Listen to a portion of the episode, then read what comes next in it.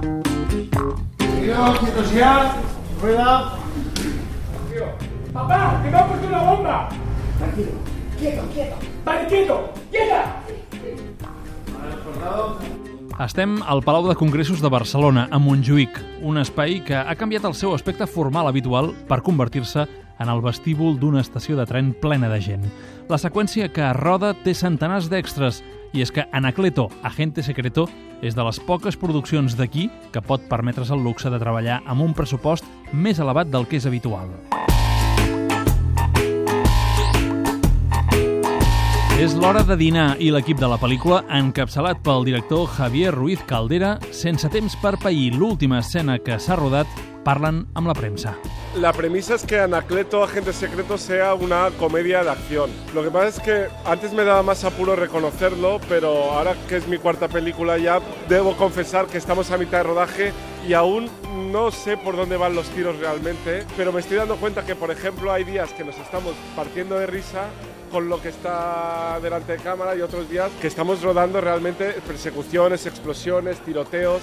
Javier Ruiz Caldera, director de Tres bodes de Mas, reconeix que ha estat i és encara un gran lector de còmics. Però per ell, el gran repte és equilibrar el to de la pel·lícula perquè el fan de la mítica historieta gràfica de Manuel Vázquez la gaudeixi igual que l'espectador que descobreixi el personatge per primera vegada. El director català, sorgit de l'ESCAC, l'Escola de Cinema de Barcelona, voldria que la gent s'emocioni amb aquesta comèdia d'acció que havia de protagonitzar sí o sí Imanol Arias. Creo que Imanol era el perfecto Anacleto. Es verdad que estamos haciendo un Anacleto en la actualidad. Anacleto dejó de publicarse en los 80. Nosotros lo que estamos haciendo es inventarnos qué estaría pasando con Anacleto Agente Secreto en la actualidad, ¿no? Por lo tanto, Imanol sigue siendo el personaje ideal para interpretar eso. Tiene canas, como me imagino que tendría Anacleto en el año 2014, ¿no? Una història actualitzada on el carismàtic espia ja és pare i s'enfronta a la venjança del seu pitjor enemic. Lo que nos hemos inventado es lo que le ha pasado en estos 30 años, que es, ha tenido un hijo, se ha inventado como una identidad secreta precisamente para protegerle y está viviendo la situación actual de crisis que a un agente secreto actualmente también no creo que sean los mejores días para un agente secreto. ¿Cómo se adapta Anacleto a eso? I el fill és Quim Gutiérrez, que està convençut que la pel·lícula té molts elements per ser altament entretinguda. És una pel·lícula d'acció actual, amb la qual cosa crec que és com si Tom Cruise de Missió Impossible el fots a Resacón en Las Vegas. Pues és una espècie de Resacón impossible. És una mica el que juguem aquí, no? És aquest tipus de comèdia més una acció molt, molt, molt, molt jugada en sèrio. Javier Ruiz Caldera reconeix que està passant-s'ho pipa durant el rodatge, tot i que assegura que és la seva pel·lícula més complicada tècnicament. S'ho pren com un repte per evolucionar. I és que, tot i la crisi que travessa el sector, els cineastes i les produccions catalanes tenen molt prestigi actualment.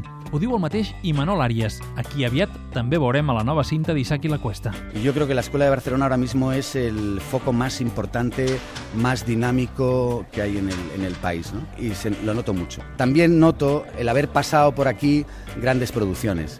A mí las heridas y todo eso me las hace alguien que ha ganado un Oscar con El laberinto del fauno y que, que ha hecho lo imposible. I encara una última anècdota. En aquesta conversa el lector ha revelat que a l'octubre rebrà el Premi Honorífic del Festival de Valladolid, notícia que ha filtrat abans que la pròpia organització. No, no se ha hecho público, a mí me lo han dicho y entonces pues, como me- ya no me lo van a quitar. Por si acaso me lo quitan, yo lo suelto, tú sabes. A Anacleto, Agente Secreto, encara li esperen 4 setmanes de rodatge, tot plegat per poder estrenar el 10 d'abril.